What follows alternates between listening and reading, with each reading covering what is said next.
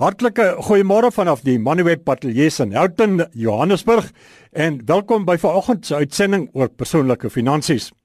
Vanoggend plaas ons die klem op die koop van residensiële eiendom as 'n beleggingsopsie.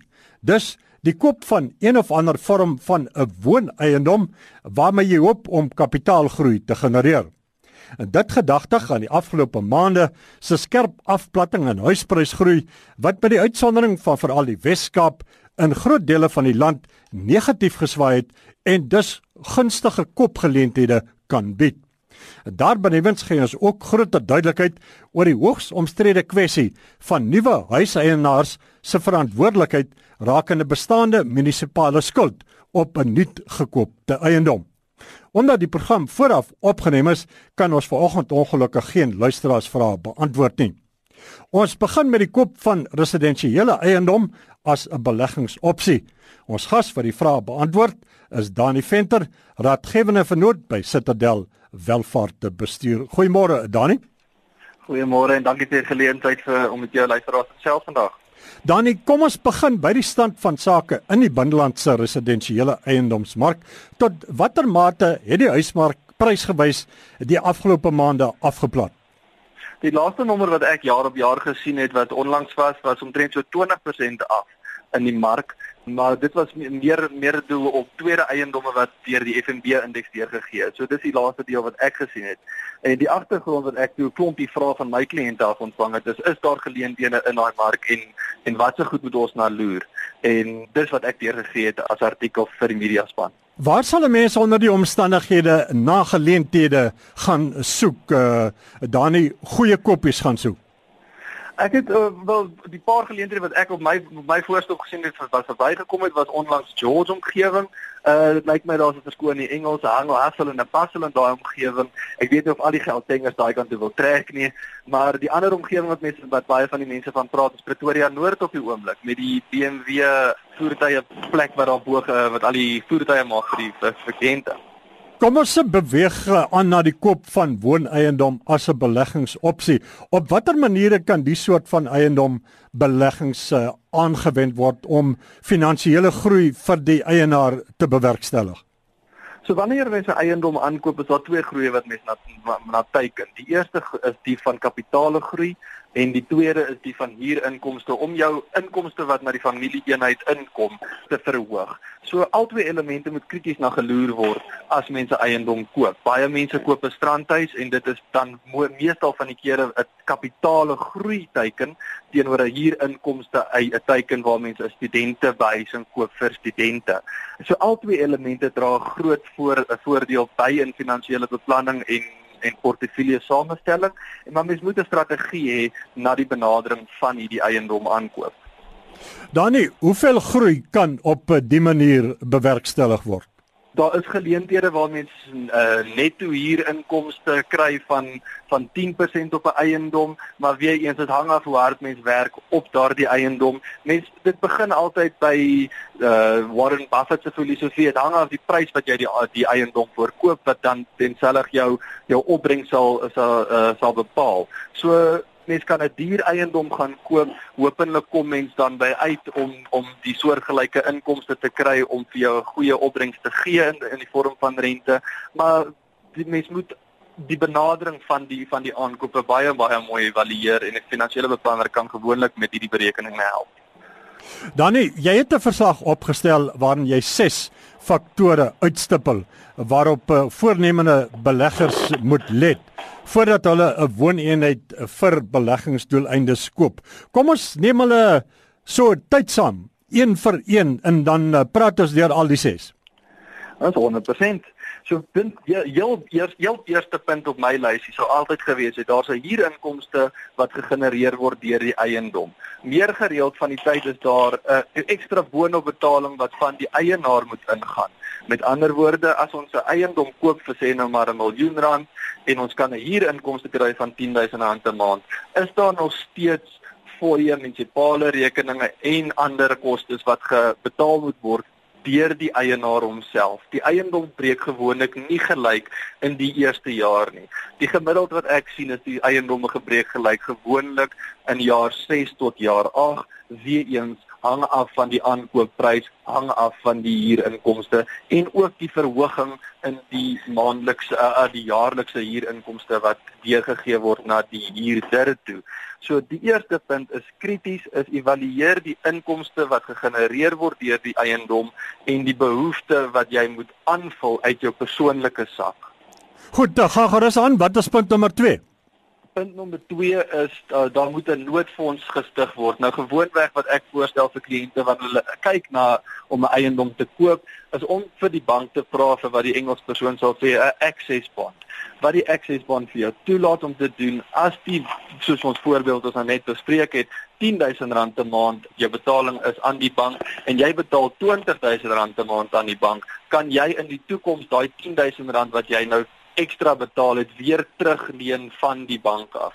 Die voordeel van dit is daar is 'n buffer wat dadelik ingebou of 'n vet element wat dadelik ingebou word wat jy kan op op op steen indien daar 'n probleem by die eiendom is. Onthou wanneer mense eiendom verhuur, lewer jy intedeel 'n diens aan die huurder en as die die uh die swembad se pomp breek, moet jy die die swembad weer regmaak want dit is die stand wat die huurder ingeneem het toe hy die oorspronklik die die kontrak met jou opgestel het. So maak net seker dat daar iewers 'n buffer ingebou word in jou beplanning in die vorm van kontant in jou persoonlike uh, beursie altans die kontant in 'n in 'n nood in 'n noodfonds. As ons dan oorbeweeg na punt nommer 3 toe, ehm um, moet mens net bietjie gaan loer oor in watter omgewing terme van rentekoerse vind ons onsself. Ons weet al oor die laaste paar jaar het ons 'n 2% verhoging in prima koerse gesien van 8.5 na 10.5 toe. Nou per miljoen is dit 1300 rand 'n maand. Ag, daar hang af dit hoe werk ons nou maar op eksponensiële kurwes. Per miljoen is dit so 1300 rand ekstra 'n maand en in 'n jaar is dit 15500. So dit is 'n aansienlike bedrag soos rentekoerse verhoog. Ek sê nie dit beweeg 2 2% in 'n dag of oornag nie, maar mens moet hierdie in gedagte hou oor 'n langer termyn. So dit is definitief punt nommer 3. Weet net wat se rentekoers siklus vind ons onsself in. In die huidige huidige omgewing dink ons inflasie wat weer die kelder is vir rentekoerse gaan bietjie tem aftemper met die droogte wat nou onlangs verby is, die rand dollar wisselkoers wat baie sterker is. Ons weet ons is uh, net importe verskoon die Engels van van meeste van ons produkte. So mens moet na daai twee elemente kyk wanneer mense hierdie hmm. opbesluite neem. En dit val dan dadelik oor na punt nommer 4, die ekonomiese omgewing. Ons weet in Suid-Afrika baie mense kyk vas teen die politiek, maar ek dink mense moet bietjie verby dit kyk en ek dink 2017 mag dalk 'n baie interessante jaar wees vir alle beleggers in die mark en die S&P ratings wat deurgegee is onlangs was ook positief in ons gelde. So ek is taamlik opgewonde vir 2017. Maar weer eens, moenie blindelings ingaan om 'n eiendom te koop nie. Jou bond is toe gewoonlik 20 jaar lank, so mense moet 'n lang voorsiening hê, maar weer eens, wees net 'n gespaas 'n bietjie gedagte aan daai belegging voordat jy dit inspring om dit te gaan doen. Heel laaste is daar of die tweede laaste skoon my is die daar is ander uitgawes met die hou van 'n eiendom wat mense nie voorsien nie en dit is munisipale uh, rekeninge, levies, en ander koste as dit in 'n sectional title is wat mense ook net moet met evalueer. As die balans staat van die van die eiendom wat jy in is as dit 'n sectional title is nie goed is nie gaan jy 10 teen 1 'n spesiale levy moet betaal aan die om die eiendom te ondersteun. Weereens maak 'n buffer. Analiseer die kostes wat wat daarin is om 'n eiendom te hou. Dit is nie so eenvoudig as net om om 'n om 'n huurder in te sit en hy betaal jou jou jou mortgage bond af nie.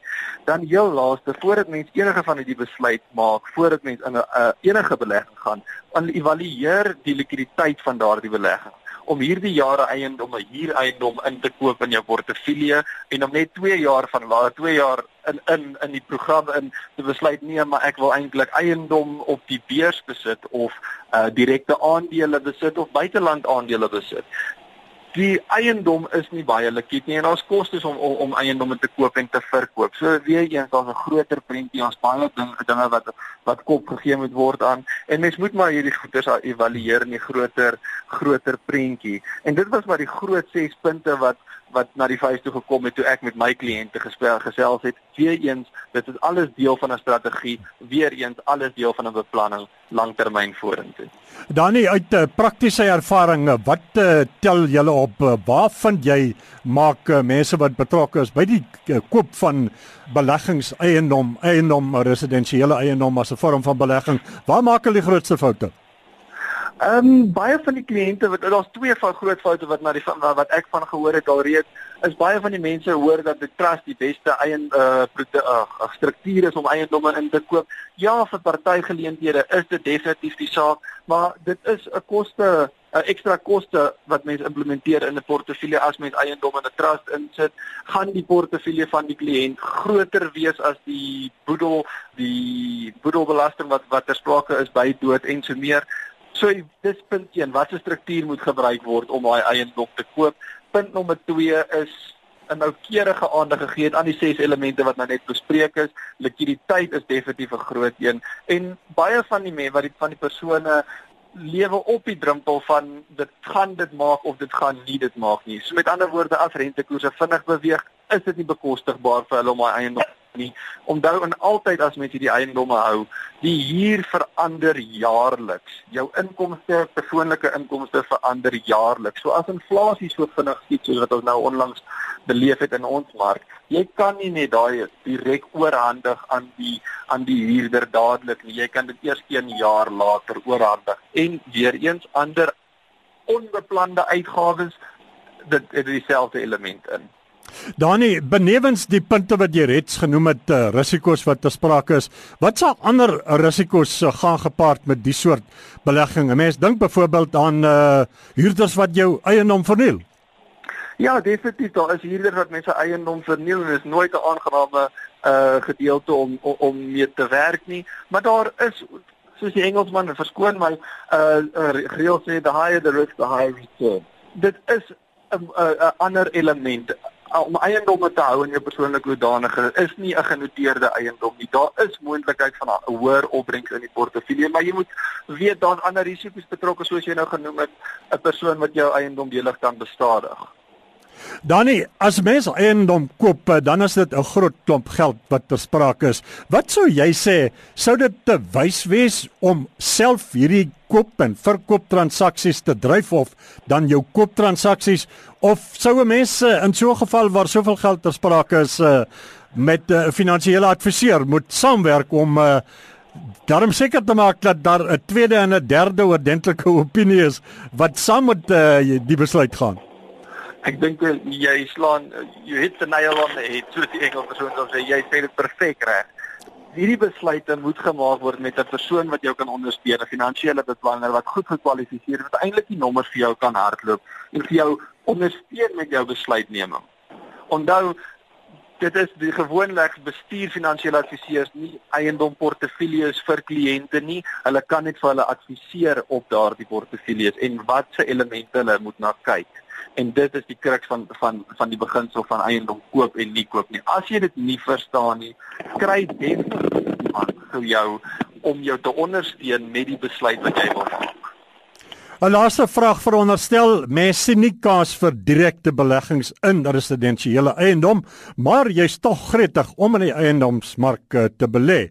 Watter ander opsies is daar dit hang af van die kwantum van die belegging. So as mens praat van jy het 'n miljoen rand wat jy in 'n uh, by jou het wat jy wil belê, sal ek definitief sê ek gaan kyk na direkte eiendom uh aankope op die beurs. As jy nie groter geld het nie, gaan kyk na 'n uh, soos die Engels persoon sal sê exchange traded fund. Die rede hoekom ek dit illustreer is nie dat een beter is as die ander een nie. Een punt nommer 1 is jy koop daai bateklas in jou portefeulje in en hy moet 'n spesifieke doel in jou portefeulje nakom. Punt nommer 2, die koste om aandele te koop en te verkoop is taamlik hoog in die Suid-Afrikaanse omgewing en daar is minimums wat uh, wat gehandel uh, moet word voordat jy verby die minimum uh, randwaarde kom. En dit is wat jy wil voorkom as mens as mens die direkte eiendom op die beurs gaan verhandel. Dani baie dankie vir jou deelname aan uh, vanoggend se uh, program oor persoonlike finansies. Bitter dankie. Alles van die beste.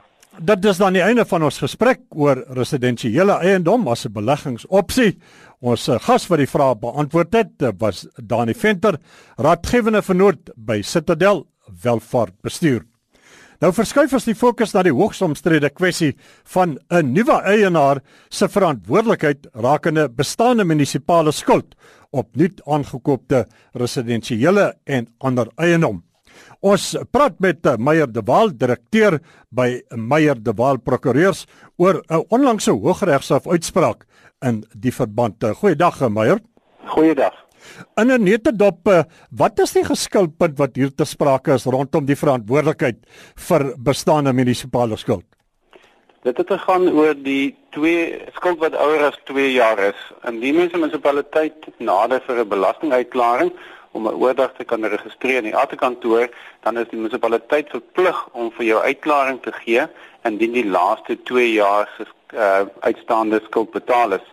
Toe dit gebeur dat die munisipaliteit na die tyd agterkom daar's historiese skuld wat nog steeds op hulle boeke lê en dan het hulle die nuwe eienaar aangespreek vir die historiese skuld en dis waar die hele bekleierery oor gegaan het. En dis uh, kwessie die geskilpunt het toe uiteindelik in die Hooggeregshof uh, beland. Uh, wat was die beslissing wat daar geneem is en op grond waarvan is die beslissing geneem? Die regter het 'n baie goeie in ehm um, uitspraak gelewer aan ons aan ons uh, opinie, want hy het gaan kyk na die konstitusionele aard van die hele geskilpunt en hy het besluit dat die dit onkonstitusioneel is vir 'n munisipaliteit om 'n nuwe eienaar aanspreeklik te hou vir die ou skuld van vorige eienaars. Partykeer is dit nie eers net die eerste eienaar nie, maar ook heelwat eienaars tevore. Volgens die jongste nuusberigte wil Tshwane en Ekurhuleni munisipaliteite wat nou by die saak betrokke was, wil hulle die Hooggeregshof uitspraak in die Grondwethof betwis. Op watter gronde sou hulle dit kan doen? Ja, dit plaas die kat nou weer terug in die duiwelhok. En nou uit die aard van die saak weet as ek nou gaan kyk het na die die aanvanklike geskilpunte wat daar was in die saak wat onlangs positief uitgespreek is, was daar 'n hele paar miljoen miljoene rande wat ter sprake was vir uitstaande belastingskuld. So die munisipaliteite staan ehm um, moontlik om geweldig baie geld af te moet skryf indien hulle ou historiese skuld gaan afskryf. So die aard van die saak gaan hulle nie sommer net plat lê en sê ons skryf die skuld af nie, daar's miljoene rande ehm um, rande te sprake. Die regter het ook in die vorige uitspraak het hy wel bevestig dat die aangeleentheid na die konstitusionele hof verwys moet word om voldoende uitklaring te kry. So die munisipaliteit het maar net een stap gevat wat almal nou aanvaar het sal moet gebeur en dit is hulle om hulle te wend na die hoogste hof en dit is die konstitusionele hof.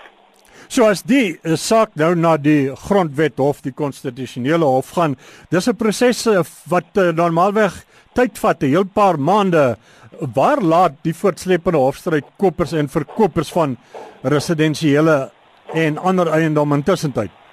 Wat die probleem is, dit plaas die situasie weer terug na die vorige uitspraak wat sê dat die munisipaliteit wel daardie uh, uitstaande skuld kan vorder. So dit is die hele positiewe uitspraak in ons lig en ons uh, opinie heeltemal nou weer oopgelaat en nou kan munisipaliteite weer steun op die vorige saak wat uitspraak gegee het wat sê munisipaliteite kan wel daardie daardie skuld ehm um, verhaal. So die die die koper van 'n eiendom is nou heeltemal weer blootgestel aan die vorige beslissing wat wel om aanspreeklik maak vir historiese skuld.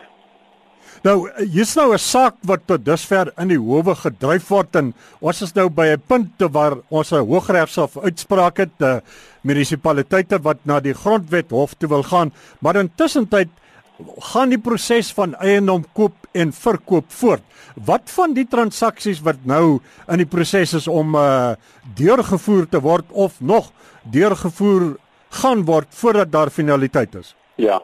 Die een die positiewe kant is dat die munisipaliteite nie oordragte sal terughou indien mens die laaste 2 jaar se uitstaande belastinggelde sal tender en wel betaal nie, want hulle is verplig om vir jou uitklaring te gee.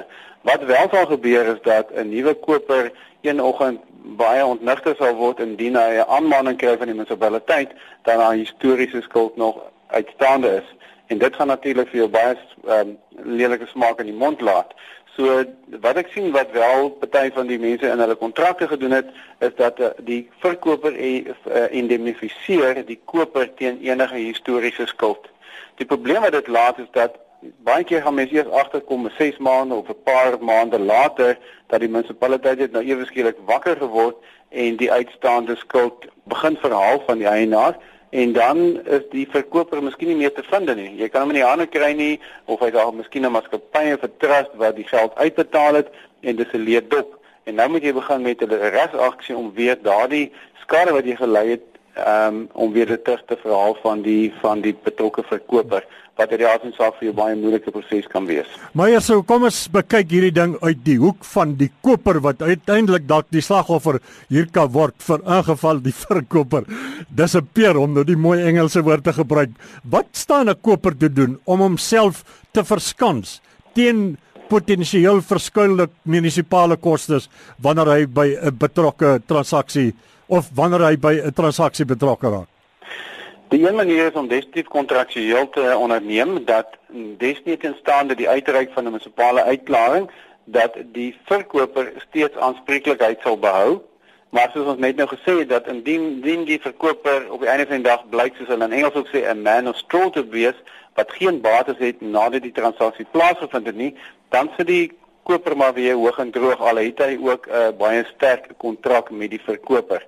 Die ander manier is om terug te gaan na die munisipaliteit toe en dan vir die munisipaliteit uh dokumente probeer uitkry uit hulle, maar dit is ook baie moeilik want as die munisipaliteit se rekords nie op datum is nie en hulle kom eers miskien 'n paar maande later agter hulle het vergeet om gelde in te vorder, dan gaan jy 'n skoon uitklaring kry by die munisipaliteit of hmm. geen uitstaande nie en dan um, gaan dit baie moeilik wees om die munisipaliteit dan weer te probeer weer lê dat jy nie daar geld dat die eiendom nie die geld verskuldig is aan nie. So dit plaas die die kopers in 'n geweldige moeilike probleem. Dis veral wanneer mense eiendomme koop wat hulle op veiling koop of insolvente boedels wat daar moontlike historiese skuld opgebou het en eintlik het niemand geweet daarvan nie of die insolvente persoon het verdwyn en die kurateur met die boedel gewerk. Dit is 'n groot probleem inderdaad. Ons het gekyk op 'n stadium hmm. of daar nie 'n versekeringsproduk is wat dit kan dek nie. Die probleem is net jy weet nie hoeveel versekerings jy moet uitneem nie want 'n um, party van daai gevalle was daar 'n paar miljoen rand uitstaande in uit agterstallige belastinggelde. Meyer, baie dankie vir jou deelname aan uh, vanoggend se program. Groot plesier, dankie vir die geleentheid. Dit was Meyer de Waal, direkteur by Meyer de Waal Prokureurs oor die omstrede kwessie van agterstallige munisipale skuld op nuut aangekoopte residensiële en ander eiendom. En uh, dis dan die einde van vanoggend se Moneyweb persoonlike finansies uitsending. daarmee skakel ons terug vanaf die Moneyweb ateljee na die RSG ateljee.